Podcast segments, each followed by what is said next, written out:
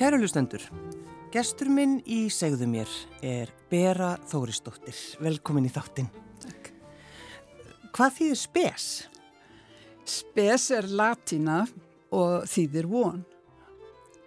Og við valdum það sem heiti á e, samtökum okkar af því að það lýsi markmiðinu sem var að veita fátakum börnum von, framtíðar von og þannig eh, orð sem sagt heitið spes alþjóðlega barna hjálp til. Já, eh, hvað, hvað varst að gera Bera í Afríku? Ég var nú bara á ferðalagi með manninu mínum og sem var að vinna fyrir önnur uh, alþjóðlega samtök og uh, við fórum til uh, Vestur Afríku fyrst og við komum til Tókó frá, þá hafðum við verið uh, smá tíma í Kamerún og þannig komum við til Tókó og hittum fyrir fólk, kynnumstar fólki sem að uh, við mynduðum bara vina samtök með. Já, þegar maður kemur til Tókó, hvað er það svona fyrsta sem að, maður tekur eftir? Sko, í, fyrir mér allavega, þegar að koma til Afriku, vestur Afriku, þá er það náttúrulega lofslægið, hítinn og gróðurinn, rakinn, en um leið uh, lífskrafturinn í fólkinu, fólksmerðinn, litadýrðinn og, og já, það er, ég held að um, mjög margi sem koma til Afriku, þeir einhvern veginn hrífast af þessu mikla krafti og, og, og lit, litadýrð mm. miskost á þessum svæðum. En, það hrífst og bara já. tengist, gefur hjarta sitt. Er það ekki bara annað kort líka? Það er bara þegar fólk kemur til, til Afríku eða til dæmis ef því við erum að tala um Vestur Afríku? Já, jú, ég sumir kannski finna uh, taka meir eftir skortýrum og, og óhreinindum og slíkt mm. en svo eru náttúrulega fylgta túristi sem koma og, og svo sem hugsa ekki mikið meir um það heldur sopna bara reynslunni og, já. Já. En getur þetta verið sko yfirþyrmandi? Já, get ímynda mér það. Uh, það var það aldrei fyrir mér. Ég, mér fannst þetta bara alveg stórkostlegt æfintýri frá upphafi. Segðu okkur hans frá uh, Tókó. Hvernig, hvernig land er Tókó? Tókó er uh, lítiland. Það er bara helmingurinn af Íslandi og það er stolti sérkennilegt í læginu. Það er bara 60 kilometrar á breytt þar sem það er breyðast og einur þúsund, tæpir þúsund á, á lengt. Ég hef stundum sagt að það væri svona eins og afrifa við, í bútateppa saumi að því að það var þannig til. Um, þetta var partur af miklu starra landi sem hér Tókóland og var Þísk nýlanda og síðan breytist að og verður frönsk nýlenda og það klopnar og, og, og, og verður alltaf minna og minna. Mm.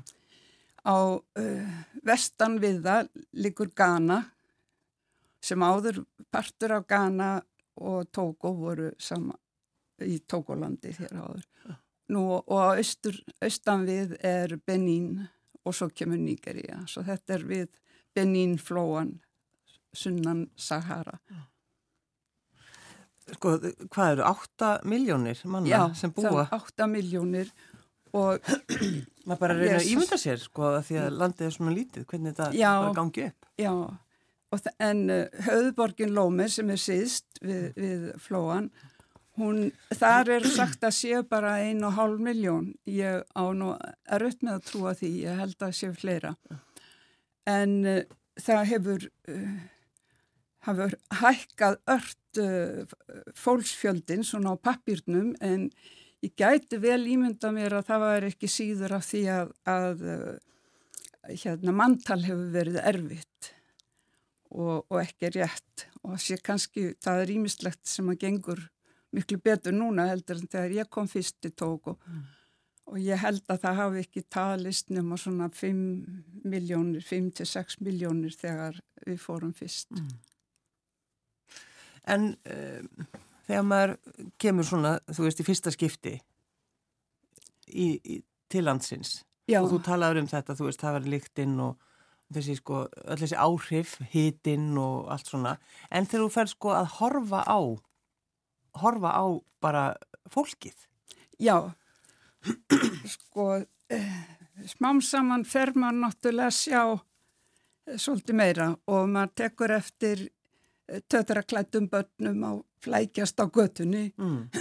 á tíma sem manni finnst þau eftir að vera í skóla eða undir einhverju umsjá og svo ser maður að það eru kannski örf á falleg hótel eða svona reysuleg hótel í höfðborginni og bensín uh, stöð eða bygg, olju hérna, byggingar einhverjar ja. Og bankar En svo fer maður að sjá að, að þó að þetta sé höfðborgin og stórborg að þá eru það sem að það blandast á mjög sérkynlegan hátt uh, nýleg nokkur reysuleg einbílishús mm. og svo bara reynir skúrar að okkar mati sem sagt einna hæðar kannski tveikja herbergja hús og garður í kring uh, í þarna síðst er það mest bara steingarður og þar er eldað og, og, og, og svo leiðsk og mm. þar lífið fer svo mikið fram utan dýra í, í þessu lofslægi. Ja. Svo leiðs að það er uh, mikið, blanda saman sko, það er engi, ekki mjög mikið ríkidæmi uh, á tókómönnum sjálfum En það eru alþjóðlega fyrirtæki sem eiga þessi hótel og veitingastaði og, og bankarnir eru náttúrulega bara alþjóðlega bankar. Já, já, já. En er, er semst, það er mikil fátækt í, í Tókó?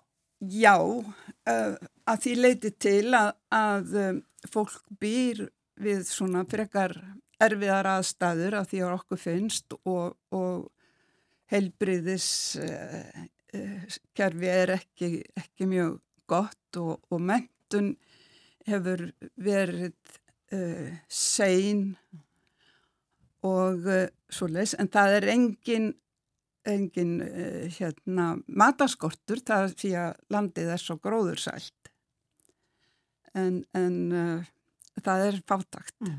og, og barnafjöldi mikill og, og þjóðin eins, er eins og fleiri Afriku þjóðir að hún er ung mm. að því leiti til að meiri hluti íbúa er kannski inn, 20, innan við 25 ára aldur. Mm.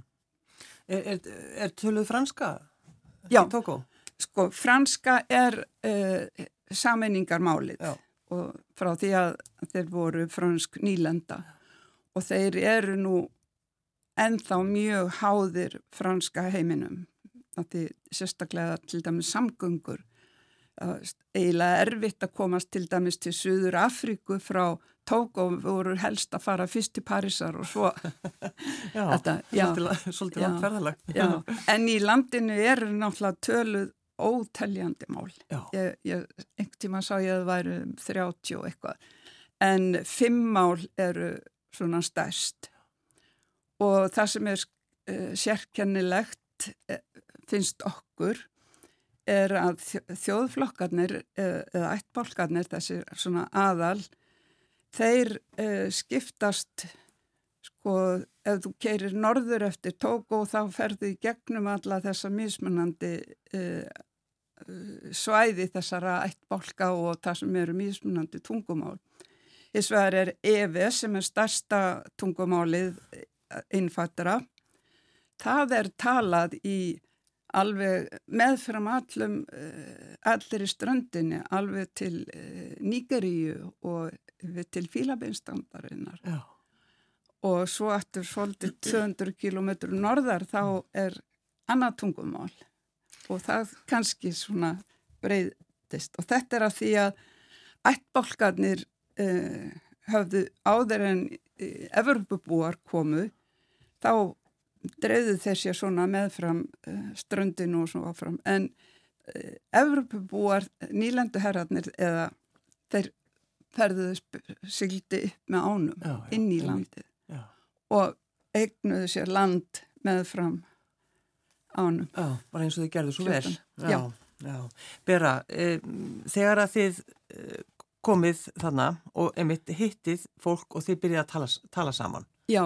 Það er nú yfirleitt þannig bara, maður er með alls konar hugmyndir, maður hittir fólk og segir maður, við, við verðum að gera eitthvað, en svo fer maður bara heim til sín og gerir ekki neitt. Já. Þannig að mér langar svolítið að vita uh, hva, bara hvað þið gerðuð, Bera. Sko, ég veit ekki hvað gerðist. Þannig séð, uh, við hafðum verið í Kamerún áður og séð þetta sama og eignast þar líka ágæta kuningja og maður hafði svona strax tilfinningu fyrir því að maður hefði einhverjum skildum að gegna en það varði ekkert meira. En svo mm. þegar við komum til tók og fólki segir þetta fólk sem við hittum, það var náttúrulega forréttinda fólk því að þau hafðu uh, mentun og uh, atvinnu mm -hmm. og uh, þegar þau segja við okkur já, skum gera eitthvað saman að þá bara grýpur það okkur. Og það er bara rætt tölvert mikið. Og maðurinn minn hann hafði samband við vinsinn í Fraklandi sem var alin upp í reyndar í Burkina Faso en, en sem sagt hafði þekkingu. Og þegar þeir rættu saman að þá bara var þetta ákveði mm. og svo gerist bara eitt af öðru sem er hlutir gerast þannig það, það bara atvikast svo. Jú, jú, en, en berað, sko, þú og, og, og maðurðinn Jörður, uh, þetta verður bara ykkar, hvað, ykkar líf í öllis ári eða hvað? það verður okkar eh, líf á efri árum, já, já, við, við eh, höfum þetta verið svona. En við höfum ekkert verið að vinna mikið við þetta sjálf nema svona bara úr fjarlæð uh, og, og að fyrstu árin var njörður formaður spes samtakana í, og uh, þá náttúrulega var hann hann fór eh, til Afriku kannski tviðsar á ári, jábel. Mm. Ég sjálf hef fór einu sinni á ári, ég var í uppundi 20 ár, mm. en nú ekki lengur. En þá fyldist mann með og, og vann að hugmynda vinnunni og, og reynda að gera það sem maður gætt. Mm. Þannig. En hvað var það sko, sem þið ákvaði að gera? Hvað, hvað er spes barnahjálp þið tókuð að gera? Sko, uh, við, uh, þessi samtök uh, reka tvö heimili núna mm. í Tóku. Annað í Lómi og hitt í Palíme sem er 200 km norðar. Og þið taka að sér börn sem að hafa mist foreldra eða kannski annað foreldri eða þá bara hreinlega af einhverjum ástöðum að, að fjölskyldan getur ekki séð fyrir þeim mm. og tekur þeir að sér og þau búa á heimilunum og fá þar allæti og, og uh, læknishjálp og allt þetta sem að þarf og ganga í hverfa skólana. Og markmið er að veita þeim mentun og hjálpa þeim að komast út í lífið og, og verða þjóðfélag, gegnir þjóðfélagsþegnar. Mm. og uh, þetta er gert í samvinnu við félagsmála uh, yfirvöld og uh, en það er í Afriku eða í Tókó er fjölskyldu tengsl mjög sterk svo oftast nær er sko einhverjir ættingjar sem taka við mm. ef að foreldrar falla frá. En uh, í mörgum tilveikum þá var kannski amma einn að bjástra með hóp barnaböðnum og hún þurfti að bla fjár með því að fara og selja eitthvað á markanum og því eru krekkarnir á bara flækingi og það voru tölverta slíkum börnur sem að voru þá þegar amman réð ekki við meira þá var leitað til spes mm. eða við svipara samtaka. Lýstu aðeins húsunum sem þið eruð að reyka? Já, það var nú svo að þegar við byrjuðum þá var bara tekið hús á eh, lítið einbílishús á leigu og það var byrjað með áttabötnum. En svo var ákveðið að sapna fjö og, og, og byggja og þá komum við að góðum tímum á Íslandi og fengum góða styrki hérna og það voru ímið stórfyrirtæki sem að gáfu eh, mikið fjö og við gátum byggt tvö falleg heimili á þessum árum Hva, Hvaða ári eru þetta? Þetta er frá því sem sagt stopnað 2001 Já. fyrstu börning kom að reyndar stopnað ári, það tók næri tvö ári í undirbúningi en En 2001 var byrjað með fyrstu börnin, Já. einmitt í aprílmánuði og um, bara með í leiguhúsnaði og það er nú svolítið skemmtileg saga kannski að segja frá því að það var, þegar það, það heimili var opnað í Lómi þá komu nágrannar og, og fólk uh, í heimsók þegar það var svona opnunar. Þeir eru mikið fyrir að nota all tækifæri í slíkt. Og þarna kom bara fjöldin allur fólki og það var sagt frá þessu í blöðum. Og uh, þá gerist það að það er kallað á njörð og uh, Viktor Demeteros sem var um, aðalvinur okkar þarna og við byggum hjá á þessum tíma þeir voru kallaðir fyrir fórsetan. Já. Og þeir voru nú ekkert allt og vissir að, að það var inn einn alvara í því en allavega þeir, jú, jú, þeir fóru og hitta fyrir fórsetan. Og hann segir eitthvað og þá leiði ég að ef að þið ætlaði að fara uh, sinna börnum hér og, og, og svo leist þá viljum við vita hver þið eruð. Já. Og um, þetta var nú gammal uh, einræðisherra og harðstjóri en hafði mýgst á eldri árum. En hann var sem sagt, segir þetta og, og þegar þeir útskýra fyrir honum að nú ætlum við að fara að byggja hús og taka á okkur börn og veita þeim heimili. Og uh, við erum að uh, leita að lóð sem við getum kæft. Uh. Þá segir fórsetin nei og þeim bregðut aldrei félagunum en þá segir hann ef þið ætlið að fara að hjálpa tókoskum börnum þá uh, sjáum við ykkur fyrir lóð og þeir tóku þessu nú ekkit allt og alvarlega en það bara axlaðist svo að fórsetin sjálfur gaf lóð undir heimilið í lómi og þannig gerast hlutinni. Já, þetta er svolítið svona eins og lí, bara lýsingur einhverju bíómynd. Já, já. Gamli harstjórin, orðin, orðin eitthvað mjúkur og, og þegar hann sér að fólk er að hjálpa. Já. Já. Fannst þeim þetta ekki, var þetta ekki ótrúlega heimsókn? Jú. Fannst þeim ekki svolítið sérstak? Já. Já. En síðan var það tókoskur arkitekt sem teiknaði og þá uh, hafði hann tókoska byggingar hefð norðan úr uh, landi, svo kallað taberma, þar sem eru, uh, húsin eru svona eins og ringlaga og með topp takki og það sést að það uh, er það form á, á svona svefnhísónum á þessum tveimur heimilum mm. og þau eru mjög sérstök hérna í Lómi til síndar en eru sem sagt forn tókosk byggingar hefð á bakvið útlitið. Var það mikilvægt fyrir þig bera að, að heimsækja heimilinn á hverju ári? Já, það var það.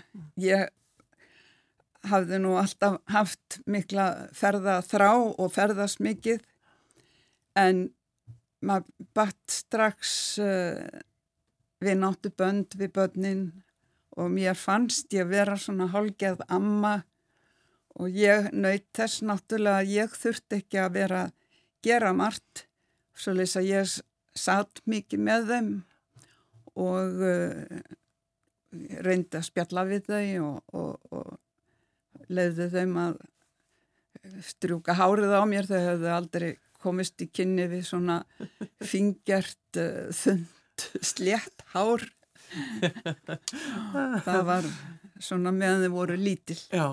Hins vegar hef ég upplifað það að það er afskaplega auðvelt að sinna litlum börnum en það er ekki alveg eins einfalt og það er kostnæðsamara eftir því sem þau vaksa upp. Mm. Og það hefur verið mikil áskorun að, að hjálpa þeim að reyna að ná þessum markmiðum okkar. Og það eru svona tíu börn, tíu sem eru farin sko núna af heimilinu alveg og farin að vinna fyrir sér. Og fjögur þeirra hafa grunn háskólamentun en hinn eru svona innmentuð En sko og, þegar maður hittir sko þegar maður er alltaf að hitta já, krakkana já. og svo núna eins og þú segir það eru, eru farin út í bara út í lífið, Hvað, sko, ert í sambandi við þau? Já, já, ég, þau eru það, það, það er að segja sko, við hefum, uh, það eru rúmlega 60 börn sem hafa verið styrt frá Íslandi mm. en alls hefum við verið með 180 eða 200 börn og uh, þau, ég, þegar ég var að koma þá fannst mér mér ber að skilda að koma fram fyrir hönd styrtaforeldra þeirra. Já. Þannig að ég einbeitti mér að þessum börnum og þau eru flest all uh, eldri börnin nátengdari já. mér já. og vinnir og við skiptumst á svona mismunandi einföldum postum á, á í net eh, á hérna Facebook já. eða Messenger. Bara hvernig, hvernig gengur? Já, eitthvað, já, eitthvað svona já, já, já. Hvern, mami, koman vati já, akkurat, mami. Um, sko, þú ferð þú sagði mig að þú bara fóst hver einast ári í hvað, öll þessi ár eða hvað, 20 ár? Ég, já, ég hef ekki farið síðan 2017 en, og ég, ég fór svona næstum alltaf á einu sunnu ári alveg frá 1998 já. þegar fór fyrst. En ég var náttúrulega í vinnu. Já, já, það er ekki alltaf hægt að fara til Afríku. Nei. En eh, mér langar svolítið líka að vita um, um matjúrstakarðin, Bera. Já, það er eh, svona freka nýtt fyrir bæri hjá okkur þarna. Verður þetta alltaf verið rækta sérstaklega í pali með það sem er mikil gróðursæld og, og ákallega fallegt. Og þar var alltaf matjörtarækt á heimilinu. En e, fyrir nokkrum árum þá tókst austurískum fjarlögum okkar að finna styrk frá uh, sem var upprunnin frá saminuðu þjóðunum einhverju samstarfi sem að var til þess að rækta. Og við fengum styrk og það var held ég 5.000 eurur fyrir hvort heimili. Og það var farið að undirbúa það. Og, og núna er komin tölverrektun og þau geta séð heimilunum fyrir eh, tölverða grænmyndi mm. Og það er eh, þau, það heiti svo að þau, heimilin kaupi þetta af matjústaraktinni þessari til þess að sé hægt að endur nýja og kaupa mm. nýjar plantur og, og slíkt. Já, já, já. Og það er, er líka komnar hænur, svo þetta er mjög áhugaðsamt og uh, það mjög áhugavert og þau krakkarnir, sérstaklega eldri krakkarnir hjálpa til og starfsfólki líka. Já, já. Og það er svona, annars þá er, má kannski segja frá því að, að eh, nágrannar heimilanna þessum okkur hefur verið ákala vel tekið í, í, í Tókó mm. og nágrannar heimilanna koma gerðmann í heimsókn og þá hafa þeir komið kannski með tíu egg eða körfu með tómutum eða eitthvað, það, það er mjög algengt og hrísgrón ég held að he, heimilið í lómið þurfu ekki að kaupa hrísgrón því það berst svo mikið af slíku. Já, Já. Að því úr þetta tína til svolítið matinn bera um, þeir vilja gera vel við sína gesti og Já. þá er það kjött sem að þú hefur engan áhuga og það er geitakjöld Já. Þú, hvað, þú segist bara að vera grænmyndisæta Það er það líka þegar maður hefur séð að það er ganga svona frítt á ruslahauðunum Ég verð grænmyndisæta þegar ég hef komið til Tóko Já, já. En, en það er búið eru frægir fyrir að gefa góðan mat og gera vel við gesti sína. Já. Og þeir, þetta er uh, margréttað og, og, og litríkt og, og margslungin matur. Er, eru hrískrónin grunnurinn eða, eða hvað? Hrískrón eru mjög oft grunnurinn, mm. já. Mm. Og í því sem börnin borða þá er það hrískrón og grannmjöti mikið. Já. Við höfum stundum haft áhyggjur af því að þau fá ekki nóg prótein og það hugsa ég að sé kannski víða í, í þessum löndum þarna. Já, já, já. já. En, en hvernig bræðast geitakjöttuða því þú náttúrulega hefur, hýttur að hafa einhver tíman prófað það? Já, já, það, maður hefur prófað eitt og annað, það, mér fannst það segt og, og beist. Já. Já, og bara eitthvað óhugarlegt. En um, ég hef borðað líka skóarrottu Mér finnst það að vera ránkheiti að kalla það róttu því þetta er bara líkist eitthvað íkorna eða hér að eitthvað svo les og það þykir líka mjög fýtt matur Já. og, og svo kannski og... einhverjur fugglar. Já, en, en hvernig bræðast skóaróttan? Bara eins og kjúklingur. Já. þetta er svona já. nafnið eins, eins og þú segir þetta er svona já. Já, ekki mjög gyrnilegt en því þú talar um það ber að þú hefur ekki komið síðan 2017 já ertu sko, treystur þér ekki lengur til þess að, að ferðast yfir? Nei, ég held að það sé bara liðin tíð því að það, þetta er álag á líkamann maður þarf að verjast maður þarf til dæmis að taka malaríulif sem eru mjög erfið mm -hmm. og uh, eh, lafslagsbreytingin en svo er þetta líka andlegt áreiti og maður bara fyrir að þreytast Já. á því ég held að ég því að maður þarf að gæta sín að maður verði ekki byrði þegar maður fer á svona staði Nei, akkurat og, og kemur á heimilinn að það já svo það er, held ég liðin tíð Já finnst það erfitt að, að hugsa til þess? Já, já, það er það. Þetta er náttúrulega eh, eins og hálfpartin sko eins og mín, mínir ættingjar. Já. Og já, svo það er eftir sjá að því en sem betur fyrr þá hefur maður svo, maður fær myndir og myndbönd og, og svona, maður alveg, maður getur alveg ímynda sér lyktina og, og, og rakan sem að Já. leggst að manni þegar maður kemur til tóku. Þegar maður fer í svona langt ferðalag, sko, hvað ertu lengi að fljúa ánga? Sko, það er sex tíma flug, kannski rúmlega, frá París. Og, og það er eiginlega bara beint í söður. Það er engin tímamunur við Ísland, það er sami tíma og Íslandi. Já. Útaf fyrir sig er ferðalæðið ekki svo erfitt en uh, já, það er uh, eitt og annað. Mm. Þannig að þú heldur áfram sko, þú ert náttúrulega uh, þú ert ennþá að vinna fyrir spes er það ekki? Jú já.